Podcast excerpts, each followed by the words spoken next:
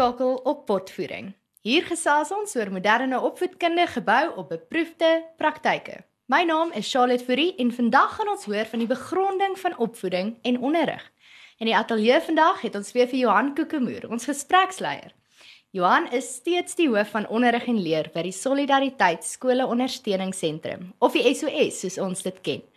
In die agtergrond sal jy ook so nou en dan vir Andrei Badenhorst hoor, ons gesprek se moderator. Vandag gesels Johan met Dominee Christian Jooste, 'n predikant met 5 kinders en 'n groot passie vir Christelike onderwys daar in die Bosveld, vanwaar hy ook vanoggend virtueel inskakel. Christian het sy proefskrif oor kinderopvoeding in die boek Deuteronomium in 2020 voorgelê ter nakoming van 'n PhD-graad aan die Noordwes Universiteit. Welkom Johan en ook Dominee Christian. Baie dankie Charlotte. Ehm um, dankie vir die reëlings in verband met hierdie. Ons waardeer dit. Hallo Christian.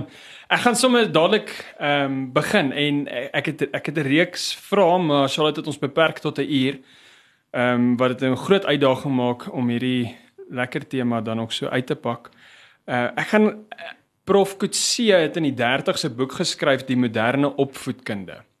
En ek gaan net 'n stukkie lees en dan vier goedjies noem wat hy daaroor sê en ek dink jy gaan vir ons vanuit jou agtergrond vir ons regtig bietjie lig daarop kan sit en ek dink ook die mense wat dit gaan hoor gaan gaan daai selfde vrae nou uit o gats wat het gebeur. Ehm um, hy begin die boek deur te sê in die hede lê die verlede.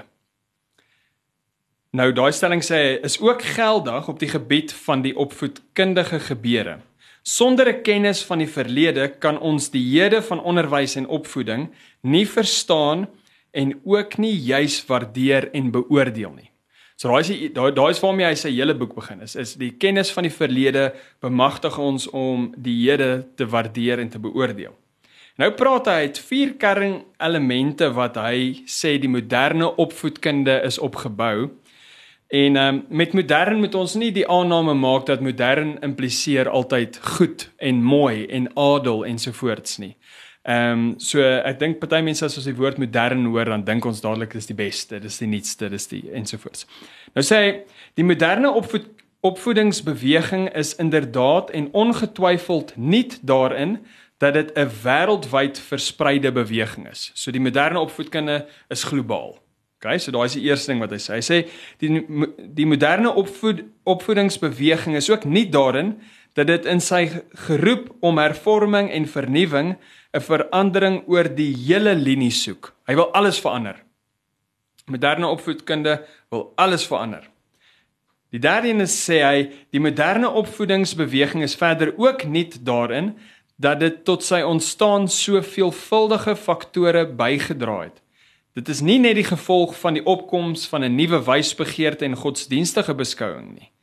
So daar's klomp faktore wat inspel op hierdie moderne opvoeding, maar die laaste punt is die een waarop ek graag wil hê ons moet vandag se gesprek fokus. Hy sê maar die moderne opvoedingsbeweging is ten slotte ook nie daarin dat dit 'n prinsipiële breek daarstel met die historiese tradisionele grondslae van die Christelike lewe. So die moderne opvoedkunde wil eintlik hoe ek dit verstaan loodreg staan teenoor die tradisie van die Christelike westerse wêreldbeskouing. En um, ek dink dis 'n lekker plek om op stil te staan en uit te pak en te gesels. En dan kan ons teruggaan na sy stelling in die begin wat sê in die in um, in die verlede lê die Jode. Dan kan ons 'n bietjie gaan kyk rondom die konsep van opvoeding vanuit die verlede ensovoorts. So net jou gedagtes daar um, Christian, ek sal ek sal dit waardeer. Baie baie dankie Johan, dankie ook vir die voorreg dat ek uh vandag deel van hierdie gesprek kan wees. Ehm um, joh, jy begin eintlik met uh met 'n uh, moeilike saak om om te bespreek in in 'n uur, nê, nee, want dit is dit, dit kan regtig baie tyd vat. Maar die een ding ehm um, wat ek dink uh jy sê dit is 'n lekker plek om te staan om te begin, maar dit, dit is eintlik 'n baie moeilike plek, nê. Nee. Ehm um, as 'n mens daaroor dink dat dat die die moderne opvoedkunde daarop gerig is om 'n breek te maak of loodrek te gaan staan teenoor die ehm um, die tradisionele Christelike uh, lewens en wêreldbeskouing En dan moet daar natuurlik moet daar al vir jou 'n rooi lig flikker nê nee, oor die oor die hele saak, jy weet of of eintlik waar ons opvoedkunde op hierdie tyd nou op hierdie dag staan. Uh vir my maak so 'n stelling beklemtoon vir my juis dat uh daar tog 'n reformatie of hervorming van ons opvoedkunde werklik waar indringend nodig is. Jy ehm um, weet jy noem nou die boek kom uit die 1930s uit en as mense nou mooi gaan dink die 1930s uh was hierdie het die het die kritiese denke eintlik al al 'n hoog bloei begin vorm nê en ehm um, veral ook die kritiese denke oor die Bybel en oor gesag en oor soveel dinge wat uiteindelik uitgeloop het nê op ehm um, op hierdie totale modernisme en en later ook postmodernisme wat ons uh, wat deel is van ons lewe op hierdie stadium. So inderdaad, uh jy weet ek dink om te sê die die die die, die prinsipiele moet moet van die Christelike wêreld lewensbeskouing die onderrig moet daarvan wegbeweeg. Dis 'n gevaarlike plek.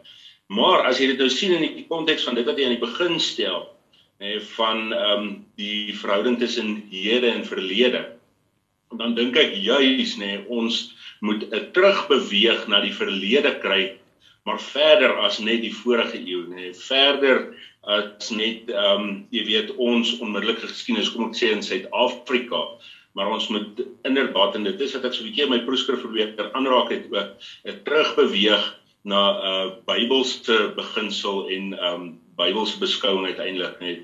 En dit is natuurlik geanker in 'n uh, 'n uh, uh, tradisionele gesinsopvoeding of familieopvoeding raamwerk wat ek dink baie waarde vir ons vandag het. Maar maar dit dit bring my juis by die gedagte van as mens nou teruggaan en en jy het nou jou proefskrif gedoen op ehm um, Deuteronomium en eh, ek bedoel dit is 'n redelike ou boek. So ons ons kan sê ons gaan 'n bietjie ver terug in geskiedenis as ons gaan kyk na die na die beginsels wat daarin vir ons opgesluit is.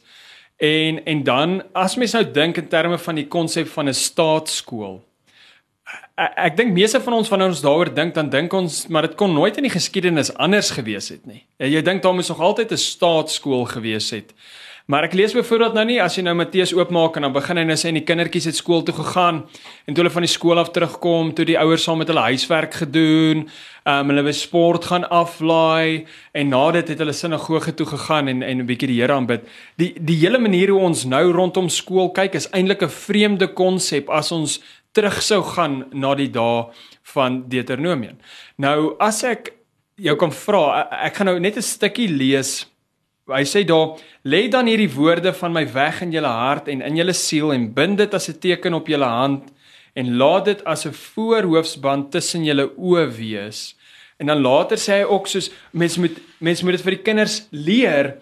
Leer dit aan julle kinders deur daaroor te spreek as jy in jou huis sit en as jy op jou pad is en as jy gaan lê en as jy opstaan. So dit wys eintlik vir my dat die tradisionele manier om te dink oor opvo opvoeding is in die huis.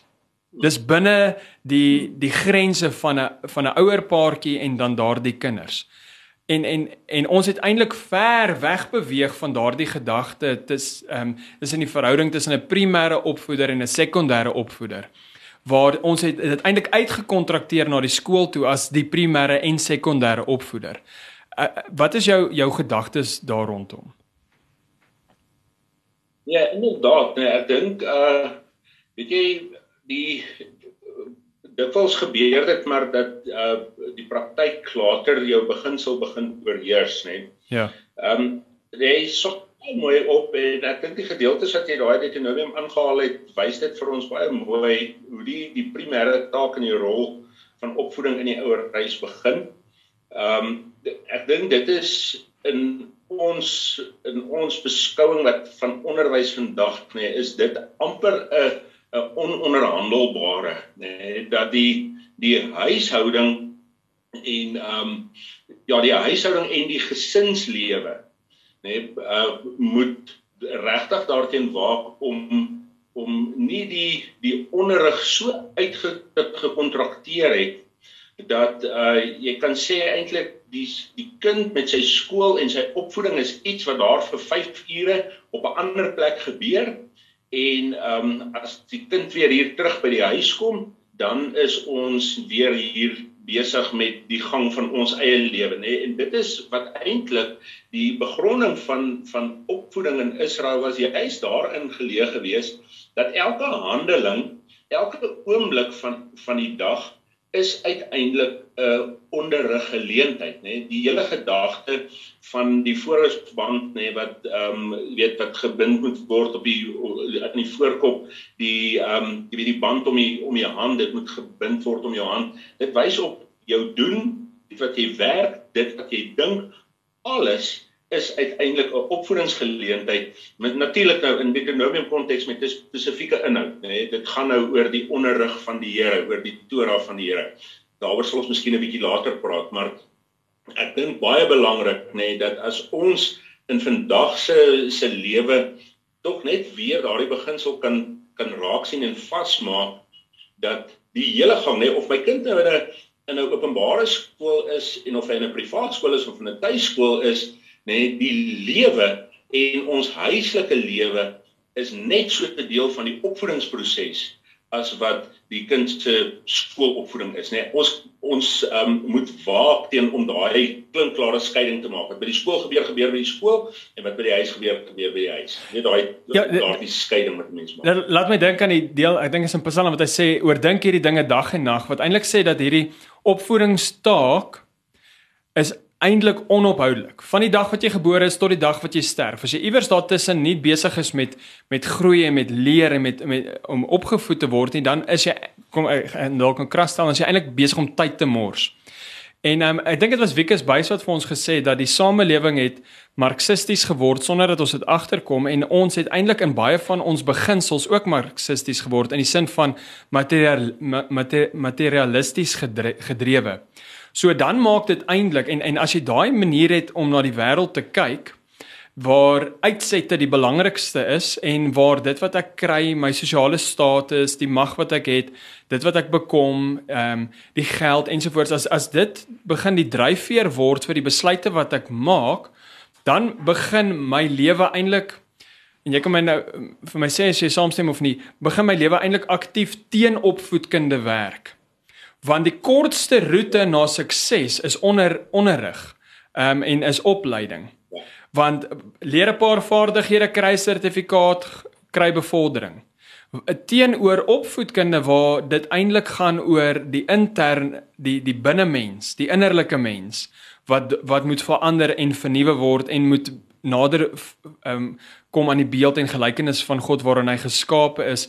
Um en en en daai verfyningsproses, maar dit is nie 'n proses wat noodwendig ehm um, aardse dividende aflewer nie. Meeste van die tyd is dit goed wat ewigheidswaarde het. So jy jy sien nie eksplisiet kom ons noem dit nou die return on investment as jy jou jou kind se karakter ehm um, afstof en poleer nie. Jy sien nie jy sien nie daai daai belegging se se se vrug wanneer jy jou kind leer dat jou ja is jou ja, jou nee is jou nee ehm um, dat alles wat jy doen moet jy doen asof jy dit vir die Here doen. Dit is nie regtig iets wat in 'n eksamen gaan eksamineer gaan word nie. So nou die dag het ek op e-, een van die artikels wat ons geskryf het, het het ons gesels oor waardes byvoorbeeld wat wat uitvloei uit opvoeding. En die een pa het gesê ja, maar niemand het nog ooit 'n no Nobelprys gewen vir waardes nie. En so so daai's 'n baie materialistiese manier om na die lewe te kyk. En en ek en ek is so benoud dat ons ouer korps besig is om stadiger en stadiger te draai in die rigting van goeder so sosiale status.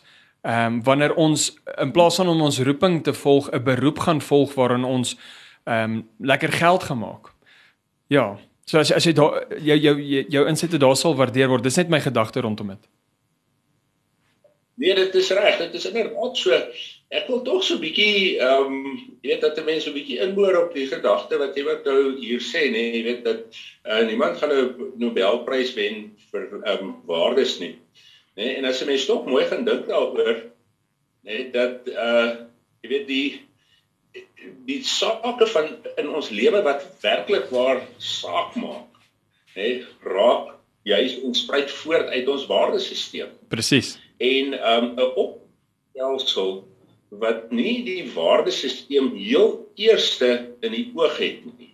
uh is eintlik nê nee, is is eintlik gedoem om te val nê nee, en jy gaan daardie die die die ehm um, ek wou sê die ineenstorting daarvan gaan 'n mens eers met 'n volgende geslag sien. Ja. Uh dit is altyd die hartseer wat wat as ons oor opvoeding praat, jy weet jy sien die vrug van jou opvoeding eers in die volgende geslag.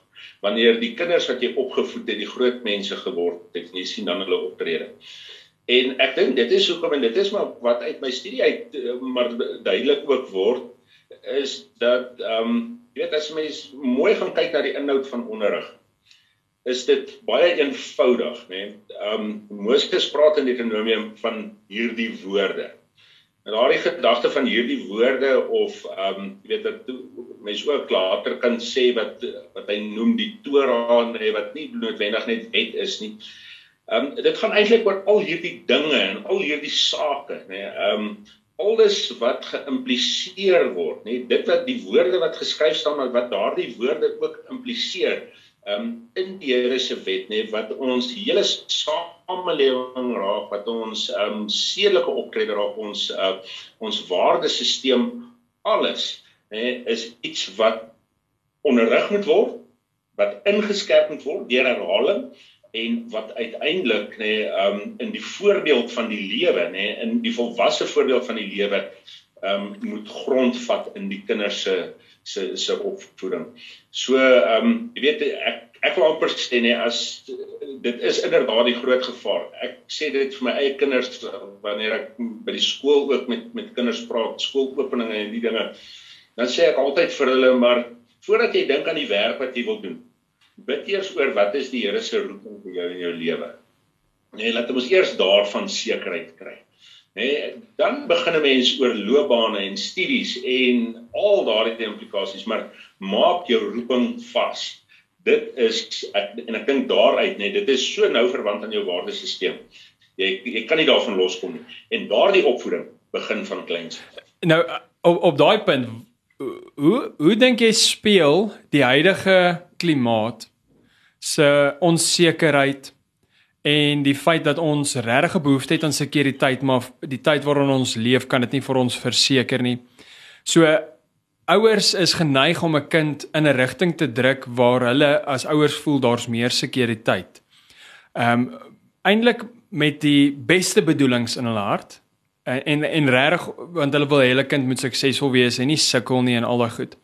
So die die kans dat 'n ouer 'n kind gaan gaan motiveer om sy roeping te volg, sy roeping 'n onderwyser is of 'n verpleegkundige is bietjie skraler in 2022 of 2023 volgende jaar as wat dit was in in 1960 want want ek bedoel die eerste vraag gaan wees is jy maar hoe, hoe gaan jy huis bekostig? Ehm um, hoe gaan jy medies bekostig? Hoe gaan jy 'n sekuriteitsfirma se premie bekostig? En al daai vrae, en as jy weet sien dan draai die kindertjies maar na wat ook al die ehm um, die rigting is wat die meeste sekuriteit bied want 'n roepingsbesef en om gehoor te gee aan daardie roepstem is eintlik maar 'n stap in geloof.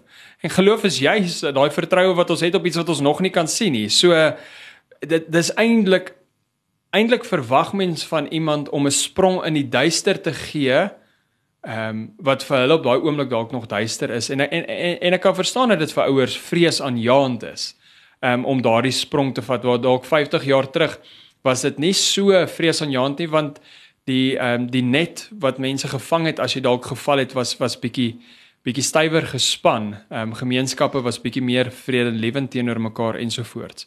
Watter invloed dink jy daardie hierdie die gas waar ons nou is op op die gebrek aan roepingsbesef? Ja, inderdaad. Nee, ehm um, kyk ek dink dit is dit het 'n geweldige invloed. Uh ek wil dit ek wil vir jou tog so 'n bietjie dit antwoord. Ehm um, as 'n mens nou dan gaan kyk nee wat die Here uiteindelik vir of wat Moses vir die vir die volk sê ehm um, waarin hulle waarin hulle die kinders moet opvoed dan speel dit altyd terug na dit wat die Here gedoen het nê nee, en dit kom in die ander gedeeltes wat ek ehm um, dat ek ook die eksegese van gedoen het kom nogal baie duidelik na vore veral as 'n mens dink aan die Pasga en by die inname van die land nê nee, dan kry jy hierdie twee geleenthede waar die kinders moet onderrig word, né? Nee, daar word daardie opdrag pertinent gegee en die kinders gaan nou vra na die betekenis van die goed. En dan is die antwoord altyd maar kyk wat het die Here gedoen. Nou jy kry altyd hierdie uh jy weet die mooi geleerde woord nou van so 'n tipe van 'n dualisme, jy weet van my my wêreld, jy weet ek leef vandag in met die wêreld, ek moet vir myself sorg. Dit is my werk, dit is my goed. Ek niemand gaan my pensioen betaal as net ek self nie of niemand gaan my salaris verdien of net ek self nie. Um teenoor die gedagte van okay, maar godsdienst is daar een kant, dit is vir die kerk en dit is vir Sondag. Uh dit is vreemd aan opvoeding in Israel, nê. Nee, dit is hmm. vreemd aan ek dink opvoeding in 'n in 'n gesonde waardesisteem. Die voorsienigheid van dit wat ons van die Here ontvang en hoe dit ons lewe raak, nê. Nee, dit is nog altyd hierdie deurlopende goue lyn. En dit beteken nie dat 'n ou moet nou natuurlik gaan en sê weet ehm um, laat God se water dan oor God se akker loop. Ek hoef nou nie te werk nie. Uh jy weet of ek hoef ek kan maar niks doen in die lewe nie. Die Here sal vir my sorg nie. Maar maak seker van die gawes en die roeping wat hy gegee het en dan sal die Here sorg, net want hy is die een wat dit doen. En ek dink dit is die beginsel denke, die beginsel raamwerk wat ons as as ouers maar ook wat ons by ons kinders moet begin vestig. Maak nie saak wat jy gaan word nie. Jy gaan ehm um, as jy geword het wat die Here jou geroep het om te wees, dan sal jy suksesvol wees, nê. Hmm. Ehm um, en of jou salaris groot is of jou salaris klein is, dit is nie dit is nie die maatstaf van sukses nie. Die maatstaf van sukses is doen jy wat die Here jou gegee het om te doen, nê, en is jy seker daarvan? So ehm um, dit is vir my maar een van daardie dinge en ek dink ons is werklik waar in 'n proses of in 'n in 'n tydvak. Ek beleef dit dit self nê dat mense uh, is so prestasiegedrewe. Nê, nee, so suksesgedrewe. En ehm um, jy weet as jy byvoorbeeld in 'n in geesteswetenskaplike werk is, Ehm um, jy weet of dan sê mense partykeer maar jy weet jy moet maar kry eerder vir jou 'n regte werk, jy weet. Ehm um, dit is as jy hierdie groot uitvindsels doen of hierdie groot dinge maak of dit dit is 'n regte werk. Maar hierdie ander is jy weet dit jy het nou kinders te leer of om verpleeser te wees of daai goed. Dit is nodig, maar dit dit is nie 'n mate van sukses nie. En ek dink dit is 'n 'n 'n geweldige ehm um, opskuif wat in ons samelewing eintlik 'n reformatie wat nodig is in ons samelewing wat wat die wat denke betref. So deesdae is hy klem baie op om hierdie komplekse wêreld aan te durf. As jy klem baie op, jy staan nie meer as 'n individu uh, sterk nie. Jy moet al deel wees van 'n groep. So kommunikasie kommunikasie en daai samewerking of daai koöperasie is 'n baie belangrike konsep. Wat sê Deuteronomium daarvan vir ons? Hmm. Ja, eh, kyk, dit is nou nogal 'n interessante een, nê, waar begin die koöperasie, nê? Waar waar's die die die ehm um, kom ons sê die as ons nou ding koöpereer om saam te werk. En die basiese beginsel in Deuteronomium eintlik in die hele Ou Testament is dit is die gesin. Maar nie gesin wat ons vandag verstaan as gesin uh jy weet pa en ma nie Deuteronomium of eintlik jou jou Joodse samelewing in die Ou Testament werk baie sterk met die beginsel van die uitgebreide familie. Jy het ehm um, die familiehoof hè wat nou natuurlik um, kom ons sê nou die werkende man is. Jy het sy seuns hè wat self ook verskillende rolle het wat dagtake het, die dogters wat hulle take in die huis het. Maar die ehm um, jy weet die die oupa en ouma, die groot grootouers, nê? van hierdie, kom ons noem dit die koöperasie van onderrig vir hierdie huishouding, nê? En die kinders leer by hulle almal.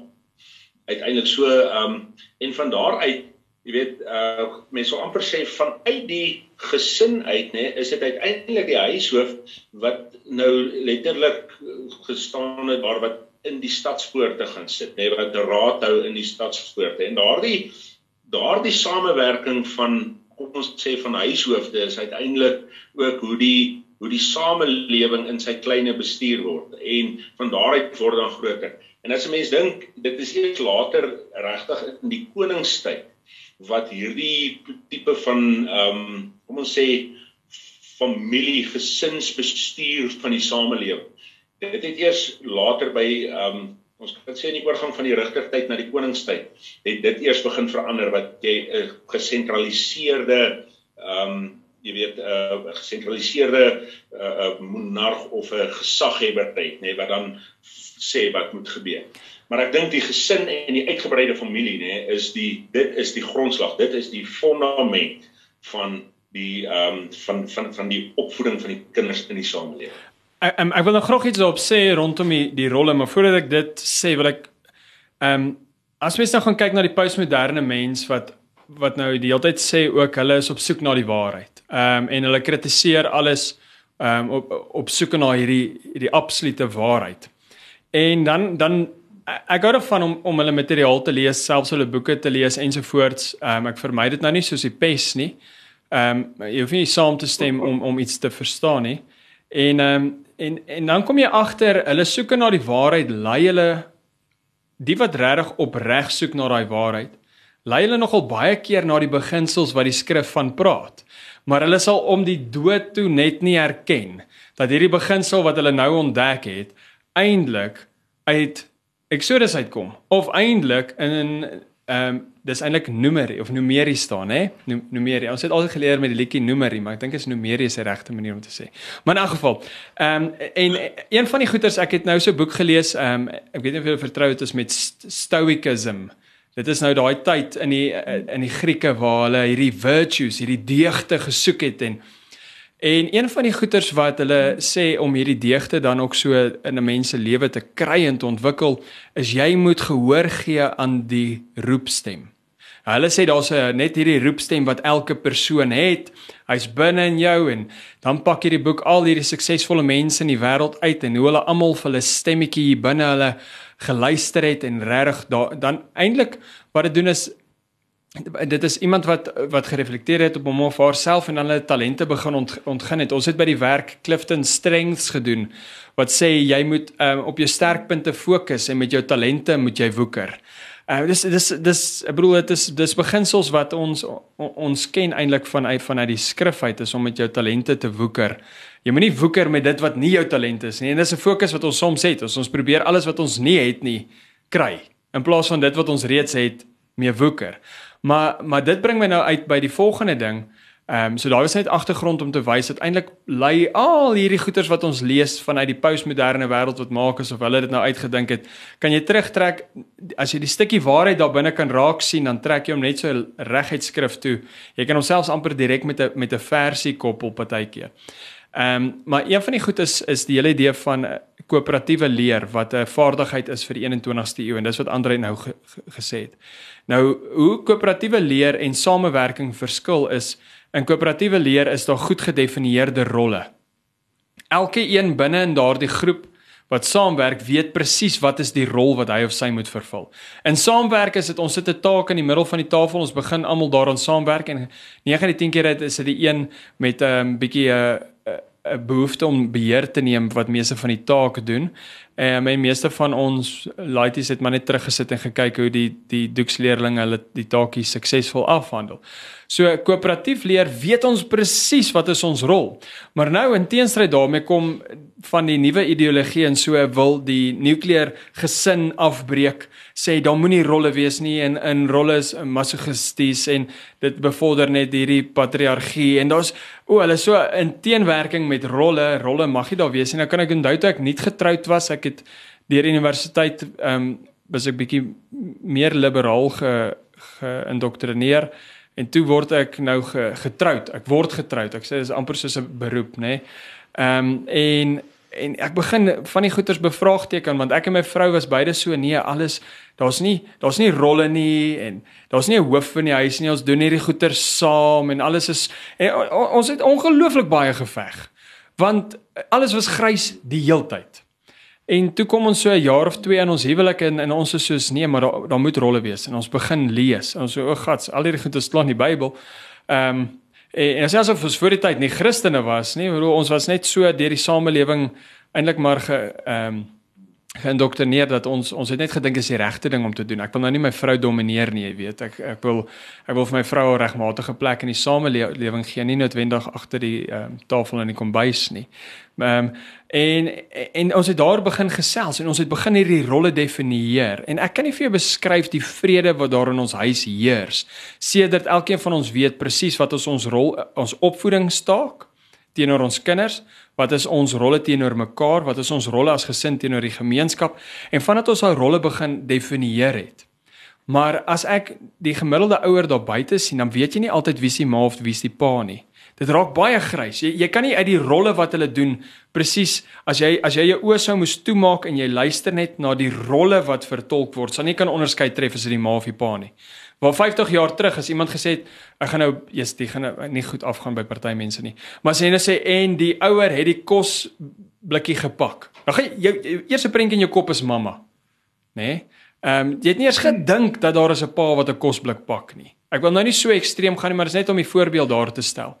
Maar maar tot watter mate dink jy die gryswording van rolle binne die ouerhuis 'n invloed op hierdie eintlik verval van soos wat jy nou gesê het eintlik 'n ou Israel konsep van die uitgebreide familie. Ehm um, want uitgebreide familie sonder rolle is chaos. Toe ek rukkie by my skoonouers gebly het en daar was nie rolle nie. Rondom dissipline, opvoeding, dis net 'n dis dis ek dink dis baie naby aan die hel om om in so omstandighede te leef waar niemand weet wie hulle is, wat hulle moet doen, waartoe hulle moet gaan ensovoorts. So so dis my vraag. Watter rol dink jy speel rolle in hierdie in die hele ja, storie. Definitief belangrik nê. Nee. Ek dink die ehm um, jy weet hierdie um, vervloeiing van van rolle uh is regtig akut in ons samelewing in die sin dat dit weet dat dit ehm um, geweldig onsekerheid bring. Ehm um, die punt is en ek dink dit is wat in in in die Deuteronomium veral maar eintlik maar deur die hele Ou Testament nê word dit word dit vir ons 'n baie eenvoudige beginsel gestel. Nê God is 'n God van orde. En hy stel orde in in sy skepping. Nê ehm um, jy weet uh, 'n uh, vis kan floreer solank hy in water is. Nê ehm um, maar as jy 'n vis moet gaan meet aan die of hy kan boom klim, dan gaan dit nou nie regtig 'n hmm. baie suksesvolle oefening wees nie. So ehm um, jy weet die Here het die ordes, die wetmatighede daar gestel en ek dink dit is inderdaad so vir gesinne ook. Ehm um, die Nuwe Testament maak baie duideliker 'n uh, 'n uh, uh, saak daarvan omdat daar in die Christelike lewe en in die heidense samelewing alreeds, jy weet, hierdie onderskeid was. Ehm um, skryf Paulus aan aan Korintiërs, aan Timoteus, aan um, aan die Romeine skryf hy baie pertinent oor die oor die rol van van ouers en kinders en diensknegte en ehm um, ek dink dit is maar dinge ek inderdaad sê jy weet dit uh, dit is waarhede wat daar is wat ons weer vir ons moet vasmaak. Maar Wat belangrik is Johanne en ek dink die groot saak is dat ons nie noodwendig dat ons moet gaan sê jy weet ehm um, wat is nou presies die Bybelse rolle vir um, mans en vrouens en uh ouers en kinders en dis meer nie. Ek dink net wat nog belangriker is is dat daar spesifieke take, jy weet dat daar konkreet spesifieke take, spesifieke dinge vasgemaak word, nê. Ehm um, jy weet dit is goed om te sê, jy weet die uh, mamma pakkie kosblik, nê, maar nou as mamma 'n nagskopsuster is, nê, wat moet uh jy weet dan gaan dit dan gaan daai ding nie so lekker werk nie, dan moet pappa maar partykeer die kosblik pak, nê. Ehm um, maar ek dink net in elke omstandighede is dit belangrik om daardie rolle regtig fyn uit te werk. Maar wat net so belangrik is en ek dink dit is my nog meer belangrik selfs jy weet in 'n opvoedingssituasie is dat die rolle is in ehm um, tussen ouers en onderwysers moet natuurlik ook baie baie sterk nê ehm um, begrens word uiteindelik. Daar's 'n jy weet omdat albei met 'n met 'n opvoedingstaak besig is, is dit baie maklik dat die een ehm um, gaan oor die terrein van die ander. En ehm um, dit maak dit regtig dit dit maak dit baie keer baie baie moeilik, nê, nee, en dit gee aanleiding tot geweldige konflik in 'n veral in 'n skoolsituasie ook. So um, ek het nie vir jou die antwoord. Ek's nou nie so opkundige, ek's maar die dowe nie hierso, maar weet ek het maar net uit ervaring gesien dat jy uit dat wanneer ons binne die orde bly wat die Here vir ons stel, dan het ons vrede met mekaar. En dan is dit presies wat jy ervaar het, nê, nee, dat jy het rustigheid gebring. Nê, nee, want daar wanorde is daar is dit chaos. Maar daar's 'n daar ek dink daar's 'n baie belangrike punt want as mens na die huisgesin kyk, ehm um, ma, pa en kinders en en daar's goed gedefinieerde rolle. Ek hou daarvan dat jy sê dat ehm um, die huisgesin moet binne die konteks van die huisgesin daai rolle definieer. Ehm um, want want die konteks van die huisgesin, my vrou het soms nagskof, sy's 'n sy's 'n suster, maar soms is dit so dat sy al 5:00 in die oggend moet uit wees. Ehm um, en dan mag daar nie pap op die grond val nie letterlik en figuurlik. So so dan moet jy dan moet jy nou intree. Maar as as alles rigied was en sê mamma pak altyd die kosblik, dan dan kom maar weer onnodige konflik ensovoorts. So daai ek, ek ek hou van daai gedagte dat ons moet binne die konteks van die huisgesin daai rolle definieer, maar baie goed definieer. Nou as jy daai voorbeeld vat en jy vat dit skool toe en jy sê byvoorbeeld die ouers is die is die pa en die skool is die ma. Ehm um, en hierdie twee is dan opvoeders teenoor die kind weer en en daai rolle tans is nie gedefinieer nie. Want die een dink dis die ander een se werk. Dis presies hoe ek en my vrou in ons eerste jaar van huwelik was. Is soos ek dink is haar werk, sy dink is my werk. Sy het groot geword in 'n huis waar die pa skorrelgoed gewas het en die pa het kos gemaak want die ma was 'n nagskof suster. Ek het groot geword in 'n huis waar my pa homself nooit in die kombuis bevind het nie. So uh, vanuit my wêreldbeskouing was al die take wat sy gedink het myne is hare en en en andersom ook. En en ek dink dieselfde is waar vir die vir die skool. Ehm um, omrede ons nie eintlik met mekaar gesels nie. Want dit het my my vrou ehm um, 'n x aantal kere sit tot 3 uur 4 in die oggende sit en gesels gekos om te verstaan hoe elkeen van ons die wêreld sien, wat is ons behoeftes en hoe ons eintlik die wêreld moet sien. Wat is wat is ons ons Christelike plig as 'n ouer paartjie en dan maar van ons eie persoonlike goeders weggooi as dit nie belyn is met hierdie Christelike beskouing van die lewe nie. So daai is is eintlik ek dink dit is iets wat tans nogal erg ontbreek is die verhouding tussen die primêre opvoeder en die sekondêre opvoeder en daai gesprek want die een sien die ander een as net 'n voertuig tot tot sukses en die ander een sien as mens met onderwysers gesels onderwysers is ongelooflik kwaad vir ouers en sê hulle kom nie hulle taak na nie, hulle leer nie hulle kinders maniere nie en hulle dit en hulle dat. So dan dan is dit presies soos in 'n ouer huis waar die rolle nie goed gedefinieer is nie, is dit bring absolute chaos in die hart van die kind. Die belangrikste verhouding vir 'n kind is die verhouding tussen sy ma en sy pa. En dan kan mens sê die belangrikste verhouding tussen 'n vir 'n skoolier is die verhouding tussen die ouer gemeenskap en die skool. En en as daai verhouding nie gesond is en en beide verstaan nie wat is die opvoedingstaak wat hulle gemeenskaplik dra nie, dan vind daar in die kind se hart absolute chaos plaas. Ehm um, kan kan ek dit aflei? Inderdaad, nee, en ek dink dit is dit is presies die ding wat ehm um, wat 'n mens ervaar. Uh kyk, ek wil vir jou dit so stel, nê, nee, ehm um, as ek nou 'n konkrete voorbeeld wil wil maak, nê, nee, dan ehm um, ek dink dat elke ouer is verplig. Elke ouer wat sy kind in skool het, nê, nee, het 'n verpligting om ten minste een een ouer, nê, nee, moet elke keer by 'n beheerliggaam of 'n opvoedingsraad of wat se vergadering wie in beheer van die skool ook is, nê, nee, moet daarbey betrokke wees, nê, nee, om om hierdie sake met mekaar te kan jy weet dat die dat die die verhouding tussen skool en ouerhuis nê ehm um, dat dit op 'n op 'n gesonde uh, basis gaan staan van van gedefinieerde rolle. Want anderster is dit inderdaad so net die kinders hulle behalwe dat dit hulle de mekaar maak ehm um, hulle by dit baie vinnig uit ook nê. Ja ja. Speel dit mekaar af. Nê. Hulle is baie keer slimmer as ons. So, ehm uh, as as daar, jy weet, partykeer dan floreer hulle in dan floreer hulle in die midde van chaos om hulle eie sin te kry. Net so. Net die ek dink die belangrike punt nê nee, is dat ehm um, die die gesprek tussen skool en ouerhuis nê nee, moet 'n uh, moet 'n gesprek sonder hindernis wees nê nee. daar moet 'n daar moet 'n oop daar moet 'n oop lyn wees Jy en ehm um, dit is ek dink ook belangrik as mense daaroor gaan dink dat jy uh dat jy werklik waar daardie kanaal so oop het maar dat selfs die gesprek wat jy tussen ouerhuis en en skool het dit moet ook op 'n bepaalde ordelike manier plaasvind. Nee, want anders kan dit ook net soveel en nog meer skade ook vir 'n kind bring. Jy weet as jy 'n ouer het wat wat ehm um, grense oortree of 'n onderwyser wat grense met die kind oortree in die ouerhuis toe. Net ja, dit is regtig ehm um, ek kan nie dit meer beklemtoon as wat nodig is nie, net regtig baie baie belangrik. Is, is die probleem dat die mense te mekaar raak met hierdie uh, rolle? Is dit nie die hele ding van modernisme nie? Met ander woorde, mense kyk byvoorbeeld op na die staat. Hy moet die staat met die antwoorde voorsien. As met ander woorde die staat kies vir my kind te skool. Die staat is in beheer van my kind se opvoeding.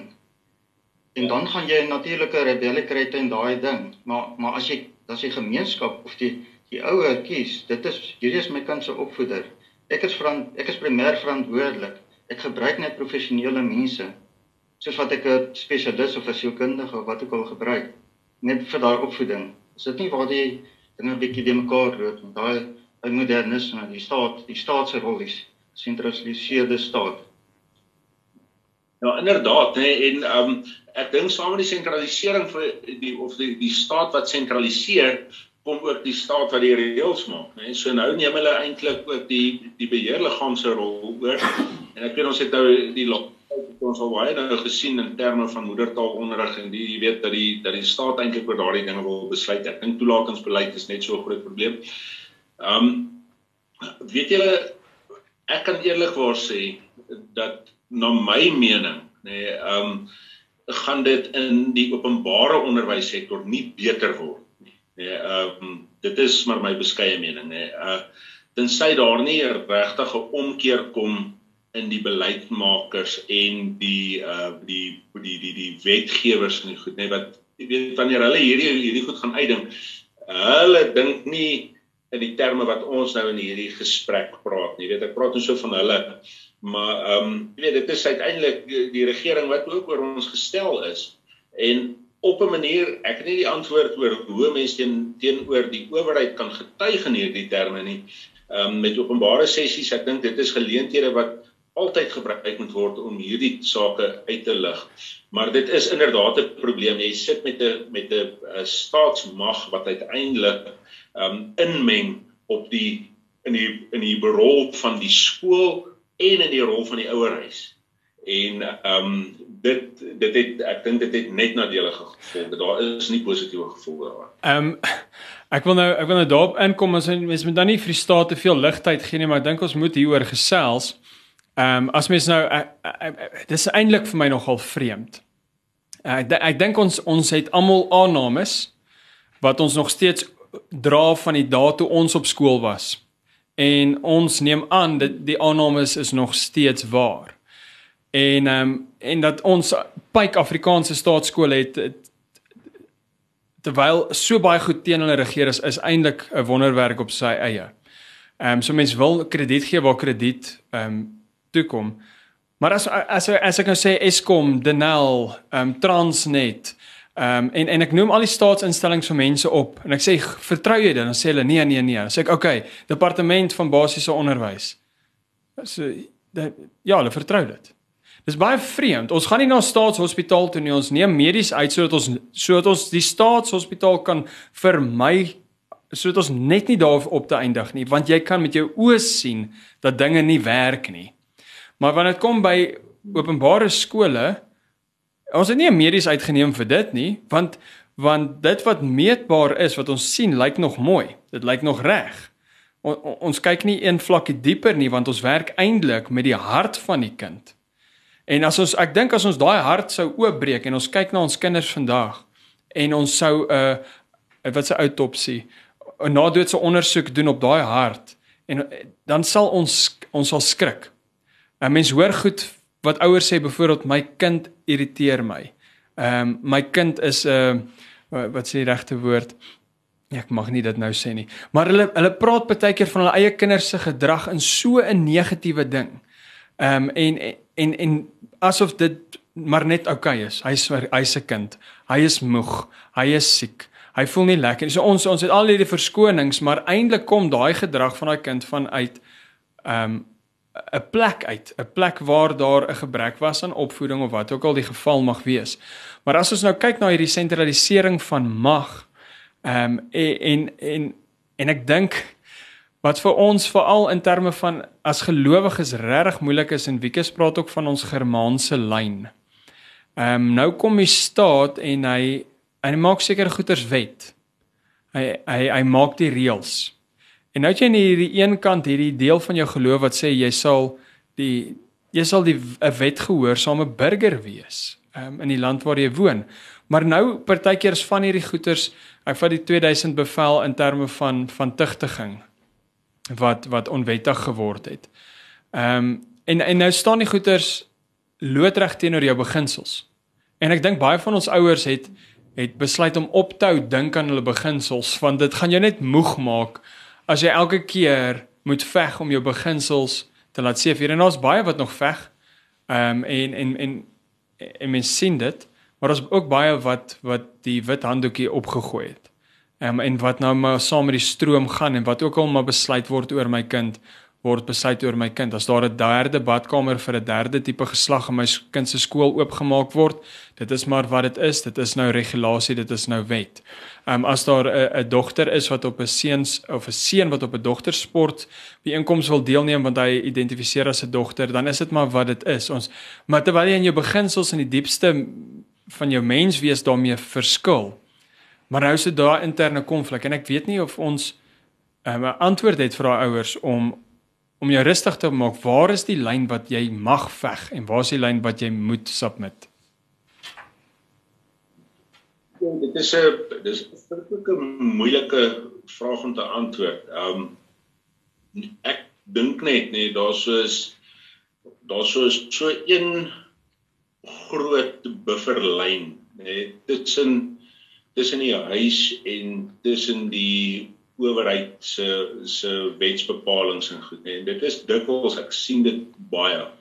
Dit is dikwels is daardie verdedigingslyn juis die onderwysers in openbare skole nê. En hmm. jy weet daarvoor moet 'n mens werklik daar kleintjie gee waar dit nodig is nê. En uh, al my hoed af nê vir onderwysers wat ehm um, teen die teen die die die bepaling in ehm um, nog steeds die regte ding doen uh in die midde van baie moeilike omstandighede. En dit moet nie by ons verbygaan nie. Hoe ek dink die die taak van die ouer in daardie opsig is juis om daardie om daardie onderwysers se hande ook sterk te maak, nê, om ehm um, werklik waar uh jy weet ehm um, nie jy weet nie met onnodige kleinlike eh, kritiek en goed onderwysers te oorlaai nie, maar ook te sien wat hulle doen. Ehm um, jy weet die die waar hulle ook partykeer in die frontlinie veg teen hierdie sake, nee. Dit is nie net in die privaat skool of in die gereformeerde skool of in die in die CVO skool waar hierdie dinge staan nie. Dit is ehm um, jy weet daar is nou groter bewegings, maar uh jy weet in die openbare skool nê nee, is die gelowige onderwyser mm. nê van onskatbare waarde. Absoluut. En waar ouers regtig daardie ehm um, moet ook ehm um, maar soos 'n Aaron en her ook daardie onderwysers se arms bo hou net terwyl hulle in die geveg staan. Ja, absoluut. Ek so so 2 of 3 donderdae terug toe sit ons en kyk 'n storie en my dogtertjie vat ehm um, die versteller Hè, se reg. Ek wou sê remote. Uh vir die vir die remote en sy sit die TV af en ek sê vir wat nou? Sy sê nee, ons gaan nou 'n bietjie oor Noag gesels. Ek sê so, "Wow, okay. Kom ons gesels oor Noag." En sy vertel vir my alles wat haar juffrou vandag geleer het van Noag en die storie van Noag. En ehm um, nou dag ry ons in die kar en en sy begin al hierdie godsdienstige ehm um, prysliedjies sing en sy leer dit vir haar boetie en ek dink te myself ons probeer in ons huis regtig hard maar hierdie juffrou van van my dogtertjie is besig om ons ons lewe te verryk en ons moet dieselfde vir haar doen. En daar is tussen ons toe eintlik 'n stille ooreenkoms dat by my huis gaan ek seker maak my dogtertjie word opgevoed ehm um, in die weë van die Here en as sy by jou is, gaan ek jou vertrou, maar nou kan ek jou vertrou want ek hoef ek vertrou nie 'n mens nie, maar ek vertrou die gees van God binne na. En ek dink dit maak dit maak my as 'n ouer ongelooflik rustig met die wete dat my dogtertjie sit in 'n klas met 'n juffrou wat elke dag bid met 'n juffrou wat wat die Here regtig liefhet wat eintlik dan oorspoel na hoe sy al haar take aanpak. Ehm um, en en ek en ek dink dit dit is regtig iets wat ons in ons openbare skoolstelsel moet oppas vir so lank as wat ons kan. Maar daai druk, daai druk raak net te groot. En ehm um, as ek moet dink in terme van opvoeding, is dit daar's nêrens in die geskiedenis 'n deel waar die Here teruggekom het en hy het gegaan, okay, julle die opvoedingsstaak word nou amptelik oorhandig. Dit word van die ouer huis af oorgeplaas na die staat toe. Maar iewers het die staat dit gevat as sy verantwoordelikheid. Dit nie vir hom gegee nie. So die gesag is nie vir hom gegee nie. Hy het die gesag gevat. Nou dit sou dalk nog aanvaarbaar gewees het as hy die gesag gevat het en hy was ten volle bekwam en bemagtig. Dink sou ons nog rustig gewees het in ons hart. Ons sou dan die gesag dalk nog oorgeplaas het en ek dink ons het dalk in die 60s, 70s en 80s dit gedoen. Terwyl dit nie eintlik in die Here se se raadsplan vir ons was om daai gesag oor te plaas na iemand anders toe nie. Daai gesag lê by die ouers. Dis vir wie dis die die ehm um, een wat die kinders moet grootmaak in sy weë. En en ek dink wanneer ons dit besef dat ehm um, die skool help my in my taak as 'n en en in my verantwoordelikheid as 'n ouer en ek kan ook weer die die skool help in sy taak as as 'n een, wat onderrig en leer laat plaasvind. Ehm um, so daai verhouding. Maar ek dink ons moet begin so, afsluit. So my opvolgvraag my my opvolgvraag is uh, in terme van waar moet die gesag lyk? Hoe lyk hoe moet die gesag lyk? En hoe speel dit uit op op 'n dissipline en tug en kastyding en wat hoe hoe hou dit verband met liefde? So lekker. wat 'n wat 'n plek om af te begin sluit. ja, dit is nou ehm um, dit is nou laat my nou dink aan die aan uh een van my eie kinders wat eendag vir my ook gesê het ehm um, jy weet hulle verstaan nie lekker hierdie ding van 'n pak slawe. Dan sê jy daai tyd maak is lief vir jou nee want daai twee goedjies ry nou nie vir hulle baie mooi nie nê maar ehm um, nee weet jy dit is so nee dat die Here ek dink die die hele saak van van tug moet ons baie mooi verstaan is 'n uh, is 'n saak wat wat aan die ouer huis opgedra word, wat aan ouers opgedra word. Ja. Dis primêr, né?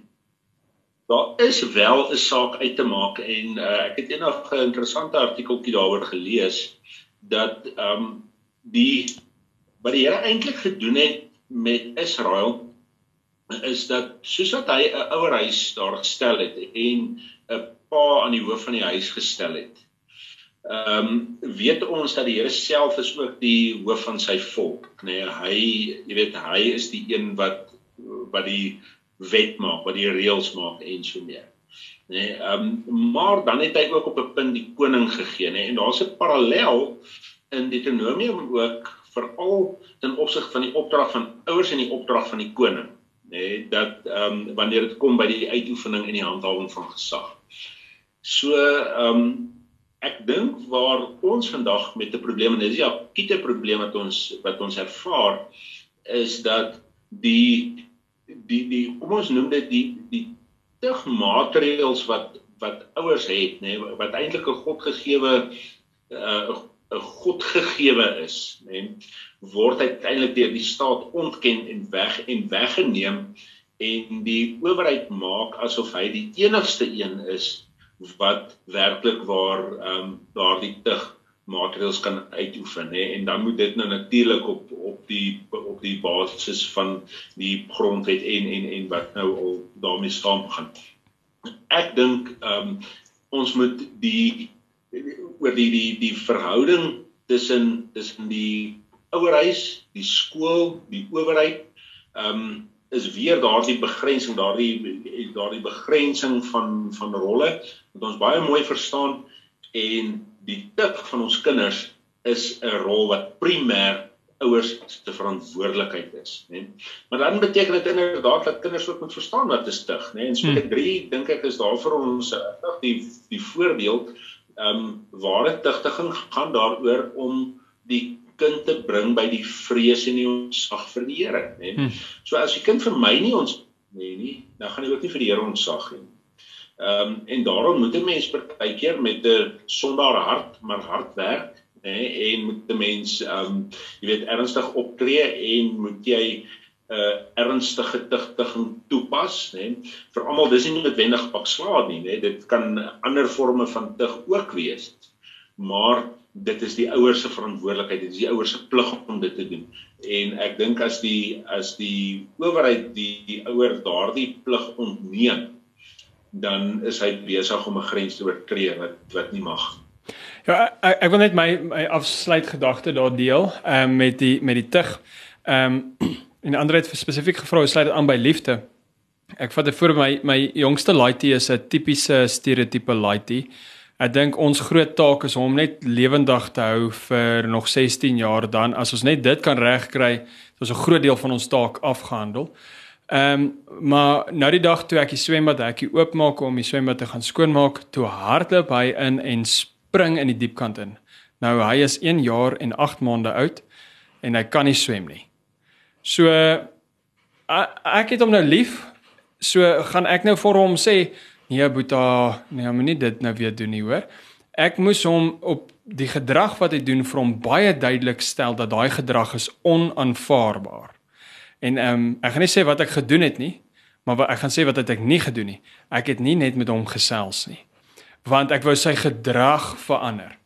Maar die doel van tug is nie altyd net om gedrag te verander nie. Soos wat die kind volwasse word, wil jy die hart begin verander.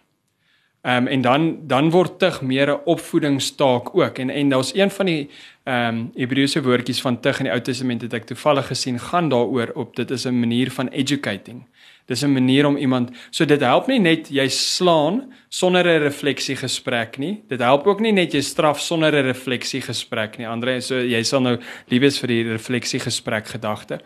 Ehm um, maar so so die die hele idee van dit is om 'n kind bewus te maak van straf wat die logiese gevolge is van 'n verkeerde aksie.